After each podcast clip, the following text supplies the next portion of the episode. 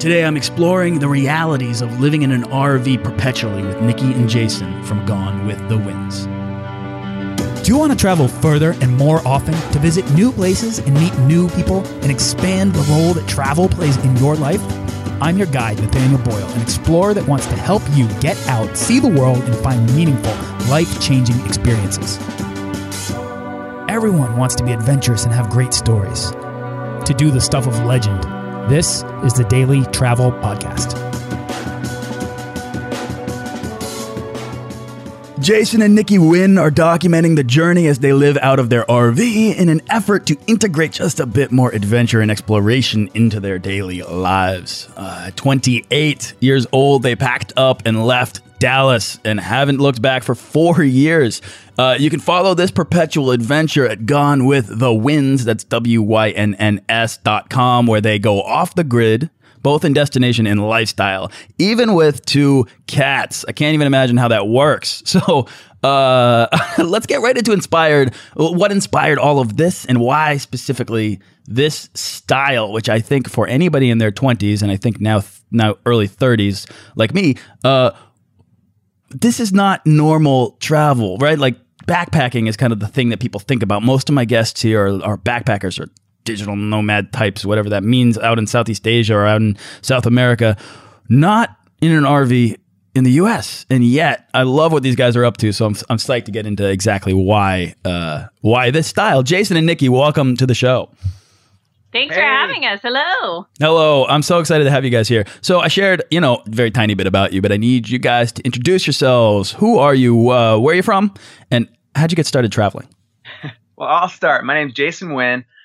Uh, from Dallas, Texas. Had a successful studio, a photography studio there in Dallas, and you know, really enjoyed my job and found myself traveling nonstop. And um, Nikki was with me the whole time, and uh, we we traveled all over and and realized we want to travel more. Yeah, so um, I was a makeup artist and stylist, which is why we got to work together um, on a lot of jobs, and then separately as well. Um, I did production, print, uh, TV commercial, whatever. Uh, so we kind of lived in this crazy uh, world of creating, you know, advertising and commercials and you know that whole kind of superficial land and it was it was great. We really did enjoy it. We loved our creative jobs and we loved our clients but we lived in dallas texas which is a concrete city and it's a great city but we really craved nature. So we found ourselves escaping to the mountains to the ocean to anywhere that had something green and lovely to look at. So we decided we wanted to go on some sort of epic adventure. We at first talked about you know trekking across to europe or maybe going to be surf bums in Costa Rica for a year. We tossed around all kinds of ideas and then realized we hadn't done a lot of things in our own backyard. We hadn't been to the Grand Canyon. We had never really seen. Um, We'd been to San Francisco, you know, a handful of times and never driven across the Golden Gate Bridge. You know, it's like these things that we have in America that are amazing that we thought, well, how can we enjoy another country if we haven't fully explored our country? Uh, and that's kind of when the idea hit that let's do a road trip. Let's do like this epic road trip and and just explore our own country. And then hey, we'll go to the other places later on. So that's kind of how it started. And there's this one vivid memory in my head. We're sitting in Dallas. It's 108 and it's been like that for a month. It's yeah, it's uh, they have these red warnings where you where you're not supposed to go outside because the pollution is so high and the hot the heat is so much that it's like always stay indoors, you know. So it's a red pollution, 100 and whatever Ugh. degrees, and we're like, this is not. What are we doing here? For outdoor enthusiasts, that sounds like just the worst place to be. yeah. yeah. That was the the like final straw and we were like that's it. We're going. We're doing something else. This is like we got to get out of here. Yeah. so yeah. the first time we'd seen an rv actually her aunt and uncle um, had bought one and they were retired and and they've been traveling a little bit and and they took us in and, and they took us to their storage uh, their storage area where they were storing the RV and and we were in it for maybe five minutes and they put out the slide which is like a wall that like a transformer wall that pushes out to make more room in the living area. And we thought, whoa, this is way better than tent camping. And yeah, well, I mean, it's like this like swanky little New York apartment, right? Because in New York it would be yeah badass. Oh yeah, this would be like three grand. I, I, I love that perspective. that is the perfect perspective because you can't get anything of size in New York. Yeah. Right, right. So I mean, it's small. It's like 200 square feet, but it's fantastic 200 square feet. And when you can travel with all your creature comforts of home, uh, but they go with you everywhere you are. So it, it's like a whole new spin on on travel. You're not living out of a backpack. You do kind of have your your place, you know, your your little space. And yeah, so I mean, we saw that. We thought it was amazing, and decided that that's how we were going to trek around the US and uh, we thought it was going to be a year. We really thought we were just going to find somewhere lovely and beautiful to settle down and, and just relocate. And it turned into opening a giant can of what we call sedentary liphophobia. I suffer so, from yeah. that. I'm pretty yeah. sure that you can get diagnosed for that if you ask for it. Yeah, so we uh we just we feel like there's no end in sight for us. Like we just can't get enough. We we move about every 7 to 10 days and have for almost four and a half, almost five years now. So it's just kind of crazy. Yeah, it's yeah. very crazy. All right, so let's back it up. I want to go back to Dallas. I want to understand exactly where you guys were when you made this decision. What sorts of traveling were you guys doing for photography work? Well, uh, fortunately, we got to travel really all over um, Mexico, Canada, all over the U.S., uh, Europe, you know, Spain, Sweden. Uh, Ireland, you know, several several places. So I, I guess that's how we kind of caught the travel bug. Is we were going for work and and we would book. You know, it'd be a five day job, and we would book two days on the front and two days on the back, so we'd get to explore as well. And and I, I guess that's what really gave us the bug. Yeah, you're out there and you're there for just long enough to see that this you know particular place you're at is amazing, but not quite enough time to really really dive into it. And that's what kind of set us on the path. Yeah, and I guess I, I guess what's really interesting is the fact that you know, our job was a dream job for most of our friends and and family are like, wow, you have the perfect job, and we we really thought it was the perfect job too, but we just felt like we needed more. We wanted more. We didn't we didn't have that fulfillment that we were looking for, and and that's when we decided to become pet, perpetual travelers. I guess that, yeah, that, that kind of started that. that was going to be my question. Was that this sounds great? This, you guys have travel. You guys have work. You even have a work partnership, uh, which yeah. is which yeah. is tough. And if it's working and it's and it's you know you're not um, it's not disruptive to your relationship in any particular way because you're spending so much time together, uh, then you have a really good thing going for you. But I guess it sounds like because it wasn't perpetual, it wasn't enough. Yeah. I, and yeah. it's funny, we would have never, we didn't know that that's what it was. And we couldn't have ever put our thumb on it. And it wasn't until we were actually perpetual that we went, this is it. Like, this is what we wanted. This is what we've been missing. You know, it was, now it's the things where we wake up almost every day and you just think, I can't believe this is this is our life. And what's even crazier for us is that anybody could truly do it. I mean, granted, the whole world can't decide to be perpetual travelers, but anybody that really has that deep desire or thinks they do, like it is achievable. Anybody can live a life of travel or get out as much as they want. You just kind of you get told by society that this is the way you live your life. You're supposed to you know you go to you're in high school you graduate you go to college then you're going to get a job and you, you know you follow this path. And one day you'll be able to retire and you'll have some kids. You know you, you follow that you follow that routine of the american dream. And we were on the fast track to the american dream. We had the house we had the fancy cars we had the you know um, the marriage and you know two and a half kids. We did not have the two and a half kids yet. And that's kind of where we cut it off. We thought all right we're selling everything. We're moving into a high rise apartment. We're going to go live the city life for, yeah. So I mean, it's like we we were we were following that typical you know American dream path, or at least what you think it is, or or what you feel like it's supposed to be. And then that's when we realized, you know, this isn't what we want. We're not ready for kids, and we don't want to just continue to follow our career path and you know do the the atypical thing. We wanted something different, yeah. and and that's where we kind of that's when it, the whole thing sparked really from that, and it just grew and you know, then we went and saw my aunt and uncle's RV and then that's when we decided to travel the US. And I mean, it just was one thing after another led up to where we are now. So it's it's really this is really fascinating to me. I mean, the key the key point I think I really want to pull out here because it's so easy to say, but it's so much harder to maybe understand or even articulate at times. But that's that anyone can do this. Anyone can go out and make travel a bigger part of their lives, or even lead a life of travel.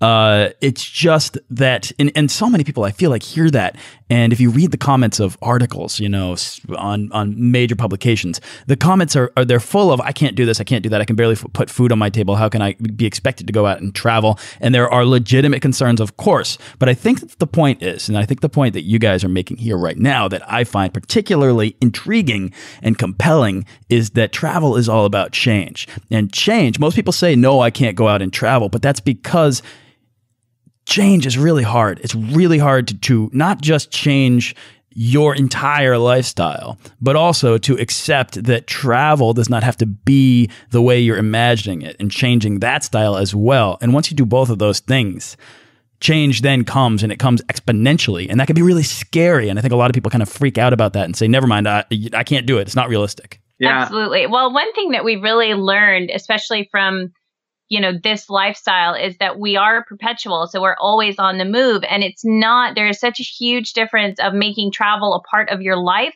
versus being a tourist. You know being a tourist you go on tours you're you're there to sightsee and you know you're going to go spend that money to eat at that nice restaurant and you're going to go you know on a guided tour through the city and an architecture tour. Maybe you're going to hit up all the museums whatever it may be. But whenever travel is a part of your life, your everyday life, or even, you know, something that you're consistently seeking out, you don't necessarily take every tour. You find that, you know, you're not necessarily needing to eat at that really expensive restaurant. You're not there because you're trying to recharge your batteries in four days. This is a part of your life. So it just becomes going to the local market or finding fresh eggs from a farmer or hmm. you know going on a hike instead of going on a guided tour. You know it's those things that you know you the same things you would do at home just in a different place all the time. Love that. All right so i want to ask two more questions about you guys before you left. Uh, the first is well actually let me let me understand a little bit more about who you are and your story. How did you guys meet? Did you guys meet at work or did the work partnership come from come from your relationship we uh, we actually met at, at Starbucks and uh, we hated each other. So uh, it's kind of it's kind of funny. she she was so mean and rude, and I was. He was so cocky and arrogant, and yeah. So oddly enough, I would go to the same Starbucks when I was in college, and I would meet up with my girlfriends or you know study, read, whatever. And he would meet up because one of his friends was also in school, but he was the barista there, and so they always got free coffee sorry starbucks. And uh, so that's where they would go. And so anyway we always had these convergences and yeah we didn't like each other at first not at all. So how we ended up dating is just a total fluke and it's because we ended up having similar friends so we were consistently forced to be around each other. Yeah just somehow one day it just worked out and and now we live in 200 square feet and barely spend a moment apart. Yeah. That's one of the things that stood out to me and why i asked that question actually and i'm glad you answered it in the way you did because it sounds like nowadays you guys are constantly uh, in closer proximity, perhaps than ever before. Did working together sort of help you to come to the conclusion that you enjoyed each other's company, in fact, and uh, uh, wouldn't like that? That wasn't really a concern. That being on top of each other wasn't going to be a concern for sure because of the fact that we work together in such close quarters you know on a job like that where um, you know, you have to work together and you're all a part of a team. So we spent a lot of time together in that aspect. And then, of course, traveling together, not only just for personal, but for work. We knew that we worked well together. We could get through heated situations, through stressful times, that we didn't, you know, necessarily take it out on each other. Um, so that really helped us know that, hey, we can, this is probably going to work for us. Because one thing we realized is that not everybody enjoys that much togetherness. and right. so it, it, may not be the right answer for every uh, every couple, but it definitely works well for us. And yeah, I mean, if you've traveled together before, and it's usually just it's making it if you can make it through the stressful moments of any travel of any trip, I feel like that's kind of your your key of do you work well together, or do you not? It's amazing. All right. And then the only other decision making process question that I have was that you have two cats. Were they a part of the making decision making process or were they something that you picked up along the way? well, we actually, um, Cleo is our female cat and she's like 12 ish. She's a rescue. And then we rescued about two years before we left, we rescued a little silver Bengal and his name is Singa. Um, so they were uh, definitely a thick part of our lives in, in the studio and in our Dallas lives. And and having an RV was a great way to kind of bring them along on the adventure. Yeah, so it's definitely part of the decision making process yeah. because we didn't want to have to leave them behind or get rid of them. Like that just sounded really terrible. But at the same time, we thought, do you really not take a big step in your you know a lot of people say oh well i bet i have a dog i have a cat i have kids whatever and they let that hold them back but there's just too many people we've met seen and were inspired by ourselves that did travel with kids or with pets and it kind of let us know that hey if you want something to happen if you want a certain lifestyle if you have a certain goal you can make it happen. You just can't let excuses stand in your way and that's exactly what it was. We just thought sure maybe we may not travel by you know we may not be backpackers with two cats but we can definitely be road travelers with two cats. Yeah, and it's so great because you know we'll pull out in the middle of the wild. We we camp off the court a lot, as we like to call it, which is basically um, you know no connections and all that. But they're out there in the wild with us, and we get to go on you know a mile hike with our cats. It's the the funniest, like you know. How many people get to do that? yeah, I mean, you pass somebody on a trail with a dog on a leash, and you're with a cat on a leash, and they you definitely people have to stop and they need to have a conversation about what they've just seen. It's a perfect icebreaker. So this yeah. to me is is really interesting because I think that the pet thing or the kids thing, the kids thing obviously I think is it's it's bigger because it involves perhaps more stuff. Pets yeah, are a little sure. bit more transportable, but uh, at the same time, I, I agree. I think that. Uh, having a cat, having a dog, it might stop a lot of people from even making the decision to go. And that's oftentimes because uh, giving up that pet is usually what people think they have to do. You guys have kind of found a way to not have to do that and, and include them in the decision to stay within the uh, continent, uh, which I think is really interesting. Um, so, so, anyways, I, I, just wanted to pull that out. I love that you answered it in the way that you did. Um, I had uh, another podcaster on the show who you may or may not know, but his name's Mike Wendland. And I only bring it up because, yeah, he runs the Roadtreking podcast, and it's the only RV podcast I know. And we chatted about RVs on this show. And the guy, I swear, he's on a quest to atone for his career as a news journalist uh, of covering depressing stories. I think. I think he's out to find. I think he's out to find uh, happier, more joyful experiences that are out there on the road. And that, that's I think that's what he's doing. What are you guys looking for? Because you've decided to go out and not just live in this way and explore, but actually to bring along cameras and create this this sort of this web series. So one of the, the big problems with our, our, our lifestyle is we we left on this adventure and it was supposed to be a vacation, so we didn't have a solid goal or a plan, and it kind of has morphed over the years into um, a little bit of everything. You know, we we want to support small companies and craft, you know, craft cocktails and local roasters and uh, you know yes. all these small adventure companies and it's like that's part of our life. So it's it's been rolled into our our website where we you know share not only places to go but you know things to do and some of our favorite spots and uh, everything we do in an everyday basis, we kind of have the camera there with us ready to roll. Right. And really, it started off as, you know, we were really just documenting to, for our personal kind of, you know, look back, you know, it was like our, our virtual photo album essentially, because we didn't want to just take photos. We had always done that. And that seemed to like work to us as to where maybe trying, there was this new record button on this new,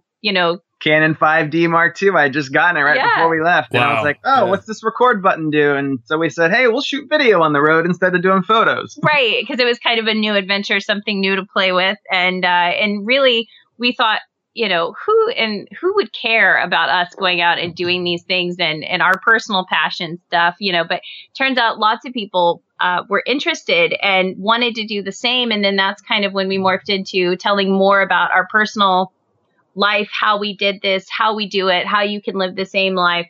And that's really what it's turned into is it went from just us documenting our travels for ourselves to us documenting our travels, how we do it, what we do it in, the tools, the gear that we use, because we realized that lots of other people wanted to do the same thing. They just didn't know how to do it. Yeah. Yeah, and I have one of one of our most popular series is the How Not to series. which I always go into a plan and say, I'm going to do this. It's going to be real easy. I'm going to record. It'll only take an Yeah. hour. Yeah, and uh, sure enough, it turns into a how not to video. And uh, I think people learn more from my how not tos than my how tos. Yeah. Or they just really like to watch us screw up. One of the two. Love that. Do you find the the camera and the creative aspect of what you're doing gives you a better experience in the places that you go, particularly as you interact with uh, local artisans?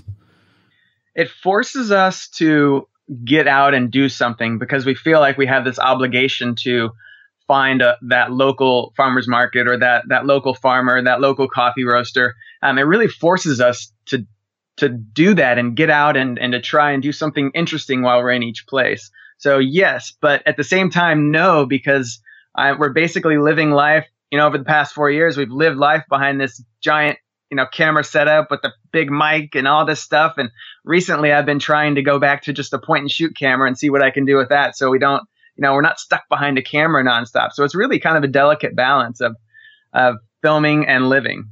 Yeah, that's actually something that I struggle with as well, both with audio recording, but also, you know, just if it's just me, you know, carrying my camera, it's like right before I, I travel, I I always have this debate. Do I take the DSLR or do I just take my iPhone and rock the iPhone and not have Yeah. to carry around this huge bag full of lenses and stuff? And Yeah. it, it can be cumbersome, but it just depends on, I guess, the quality of the thing you want to get. The more you lug, maybe the better you can get. But at the same time, does better always pay dividends? Oh man, what a what a debate.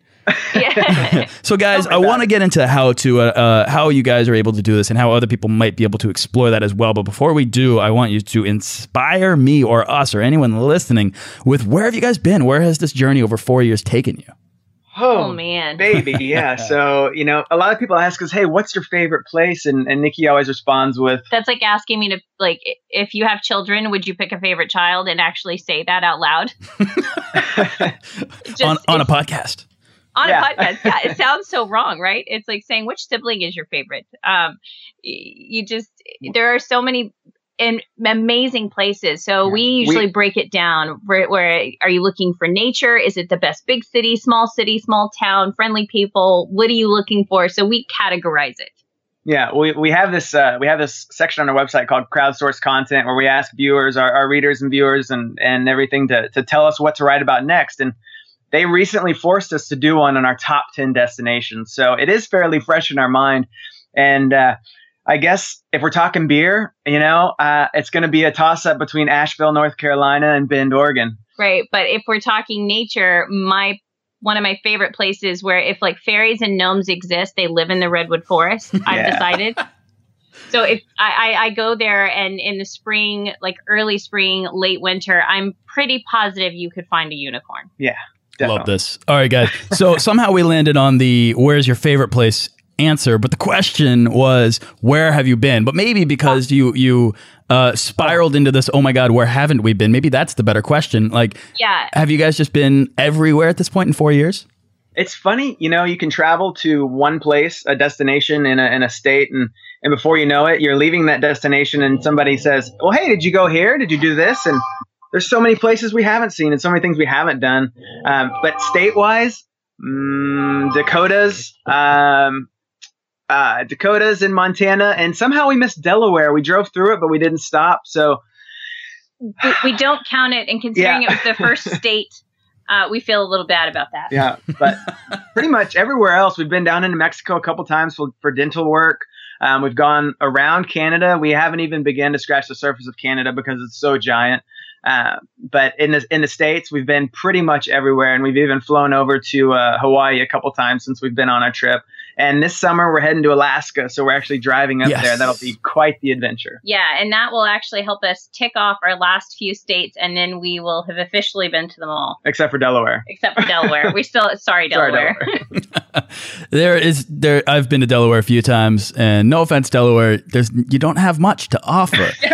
That you don't. They have some craft beer though, so I'm going to give them that. yeah. Because isn't Dogfish Head in Delaware? I, I think so. So Yeah. there you go. There's that that Yeah. brew pub right there. I've wanted to go there. So IPA. there's your pilgrimage, guys. Um, uh, question for you then is the big question: How does someone get started if they're listening to this and they're thinking, "Yeah, you know what? Like this kind of a thing might work for me." What's step one? I guess step one would be find or try out an RV and see if that's the kind of thing that that excites you. Yeah. Um, don't do what we did and just buy one and hit the road without any idea how to blog or shoot video or do anything and have, have no real skill set besides, uh, you know, how to how to do ph- photographs. Um, eh, practice. yes. Well, and it's uh, you know, absolutely. There are everything from the something the size of just like an SUV that you can essentially live out of and travel in, all the way up to like a monster tour bus. So you have to decide on how much space do you want slash need. And then of course, yes, the, the, the, usually the biggest question for most people is how am I going to afford to do this? You need some sort of location independent work, um, even if it's short term or long term. If your job allows you to travel for six months, take it. Um, or whether it's something you can do from the word from the road consistently. But it's amazing how many jobs really, if you talk to them enough, how a lot of people have been able to convince their employers to let them work remotely. That is surprisingly high. The more the more I talk to people on this show, the more that's suggested as something that people have attempted to do. Um, if you can find that, if your boss, if you if you think that your job might be able to be something that you can take on the road and do it from anywhere, go for it. I mean, go for it. If that's the thing you're dreaming of, why not ask? It can't. I suppose it can't hurt. I don't know. Maybe it can't hurt. I'm not. it doesn't speak for every job, um, guys. So for you, you're perpetuating the photography and makeup business. Uh, not makeup. I actually Okay. that is entirely too difficult to do from the road, or at least that I found. Now it doesn't mean that it's not possible. and Somebody couldn't figure it out, but usually for my job, everything was on location, so it required me to be at a specific place at a specific time, and that's doesn't work so well when you're traveling around the globe. So finding jobs on the fly like that, I found to be not necessarily worth it nor easy. Um, and photography is a little bit different. Yeah, in the beginning, I, I actually thought, oh, I could fly back to Dallas because we had some big clients that paid really well, and oh, I'll fly back to Dallas and do this job, and then I'll fly back to the RV, and that became too much trouble. We figured we're in this lifestyle, and you're so involved in it that it's hard to to kind of detour, um, stop everything on your adventure, and then go back to real life for a week and and do a, a real job, and then you know fly back to adventure life. It's it's it's really hard to balance. So we, we were able to figure out a way to integrate photography and video into our lifestyle uh, and share that. Yeah, Yeah, whether it was through a tourism board that needed um, photographs of you know their location that we just happened to be in, um, especially smaller places that don't necessarily have a lot of photographers that live in their community to hire locally. So as we're traveling through, sometimes whether it's an adventure company, a tour guide, uh, you know, the city itself, or even some other small local business, it's amazing how many people really do need services. It just isn't in their community and they can't afford to hire somebody from out of town to come in. So we're kind of the perfect solution for that. How long did it take for you guys to sort of figure out the sustainability of your income as freelance as a freelance photography business, sort of a roving freelance photography business, and the cost of being in an RV, which you equated to being kind of like a small apartment in Manhattan?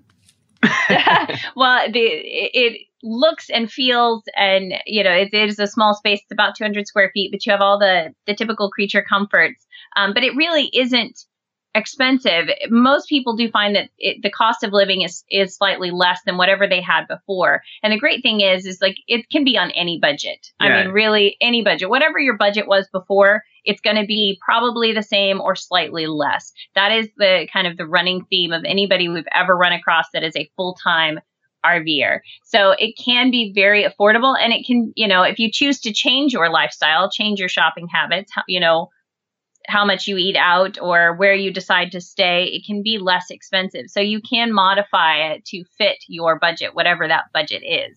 You know, the lifestyle itself sounds affordable. Like I'm, I'm hearing what you're saying, and that that is making sense to me. Especially, I mean, I feel like you guys have proven that you've been doing it for four years. It's really impressive. Um, but the the process of getting an RV, the process of finding one, the process of putting down a, a, a down payment on something that large, it sounds daunting. Is it Is it as sort of maybe challenging or insurmountable for a lot of people, or?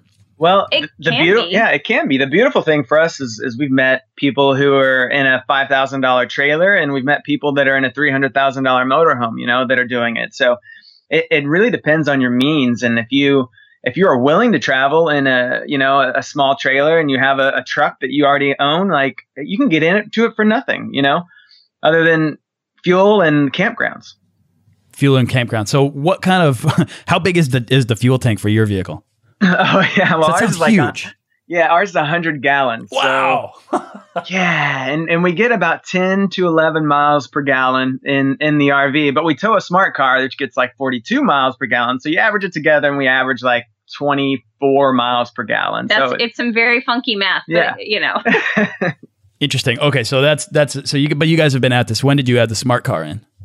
Oh, we've had that since the beginning. We knew we wanted, when we got to a destination, we wanted to park the RV, you know, basically our house, leave our house wherever it is. And we wanted to explore in something that was a lot easier and more economical and, and everything to drive. This is so this is so interesting to me. I mean, it's something that I've considered doing, so that's why I'm curious and I have these honest questions where it's like, Yeah. well, what was this like? Well, what's that like? I mean, what does uh how did you find that you assimilated into the RV culture? I mean, trailer parks is what people maybe scare people away from even thinking about this, right? Yeah, so one of our favorite things, you know, we're decked out with solar. We have a composting toilet. We have all these eco-friendly features that we've added to our RV. So we can go way out into the national forest. We can drive up on top of a mountain. We can go park near the ocean or a river or a lake somewhere and just enjoy nature and get away from the RV parks. You know, we're not in love with most RV parks because, you know, some of them they they are they great. yeah even what are considered campgrounds anymore. A lot of campgrounds don't even look like a campground. They look like glorified parking lots where you're able to park and set up a tent or set up an RV. So it looks not naturey and not that appealing. It's usually more about a location, and that just happens to be the best place to park it to explore that particular area. So we do stay at some here and there, you know, kind of typical campgrounds, but for the most part, you know, throughout almost every country that we've discovered, um, as we even search around for exploring, you know, the next continent or the next country, is that every, you know, at least for I know for the United States and for Canada as well as for Mexico, there's tons of like free camping. It's public lands where you're allowed to go and stay on it for a set amount of time. It's pack it in, pack it out. But I'm sure everybody has at least heard of, you know, backcountry camping where you, you know, hike in with a tent and you set it up somewhere in the middle of a park or a national forest and you can camp there. Well, the same thing happens. There's roads where you can drive out to and there are open lands where you can just go out there and park and enjoy nature for, you know, 14 to 21 days at a time. And then they expect you to move along. But so there's so much of that throughout the United States and Canada. And see, there's all these amazing places you can go and stay out in the middle of a forest or out in the middle of the desert or by a lake, by a river, by a stream. You can be in amazing places and out in nature. But yet, on the other hand, you can drive into you know five miles from downtown San Francisco uh, and stay in a, in a campground there that's right on the ocean and and be you know basically right in the middle of the city. And you know there's there's options for for both. And you know we found that people are really helpful and kind at RV parks. So if you if you have to go go to one, you know it's it's not like they don't ostracize you because you're young or you're different. They No. they kind of welcome you into their And they're excited because most of them say, Man, I wish I would have done the same thing when I was younger. You know, had I known if I could go back, I would have done it. You know, so it's usually more of they're so excited to see us out there and they're so happy to see younger people out enjoying the lifestyle that they're they're very welcoming. It's it's really it's fun. It's like going and hanging out with um, kindred spirits because they they're very like minded and feel you know have the same loves and passions uh, that we do for the most part. Love that. I mean, I'm taking your words from before when you said that, you know, you were trapped inside. There is 108 degrees out all month and you couldn't even go outside because the pollution was so bad that they were Yeah. warning you not to go. And now you're speaking with all of this knowledge about what's out there, what's uh, possible, where you can go, all the many places you can go, all of the freedom that's accessible to you because you've made this decision. Uh, we are totally out of time, which is too bad because I could totally ask you so many more questions about this. But um, is there anything else that you would like to add to the conversation that we didn't cover before uh, we begin to wrap up here? if you're thinking about it, do it. Test it, test the waters. Go rent an RV. Go go stay in a small cabin at one of the campgrounds. Like just go out and test it out because if you don't test it and you don't try it, then you'll never do it. And and sometimes, like we said earlier, it takes that leap of faith to say, "Hey, I can do this." Right. And don't plan for like five years. Yeah. At some point, you plan a little bit, but then you just have to dive in. So at some point, stop planning and start doing. Nikki and Jason, what's exciting you the most right now? Where's your next trip or what's your next project? Woo, going to Key West, uh, you know, the further, southernmost point in the U.S., and then we're turning around and heading straight to Alaska. So, I mean, who knows what's going to be out there? It's going to be the longest drive you can possibly take on And- this continent. And Or- who knows what yeah. the heck we'll find in between. Yeah. Point to point, I would love to see that from that 90 miles to Cuba uh, post that's down there in Key West, Yeah. all the way up to wherever, whatever it is that's up at the uh, the strait up there. I would I would love to follow this journey. So I'm going to totally be doing that. Where can people go to check out what you're up to, find out more about you, and watch you do this road trip, GoneWithTheWynns.com. guys? That's thank- where you can find us. everything is so is so amazing on your thing that you've got great videos, you've got great tips and, and, and stories. I mean, it's all about the stories. So um, I, I love this. Thanks so much for coming on the show. This has been a lot of fun. I am so curious. You're probably going to hear from me off uh, off mic, asking you more questions. But I will. Uh, I'll, I'll highlight all of the links and everything that we talked about in the post for this page. Guys, happy travels. Thanks. Thank you. See yeah. ya. See ya. Thanks for listening to this episode of the Daily Travel Podcast. For show notes and links to everything in this episode and more, head on over to dailytravelpodcast.com. Join our Facebook page of explorers and subscribe to our newsletter for the best deals and resources to help make your next trip life changing.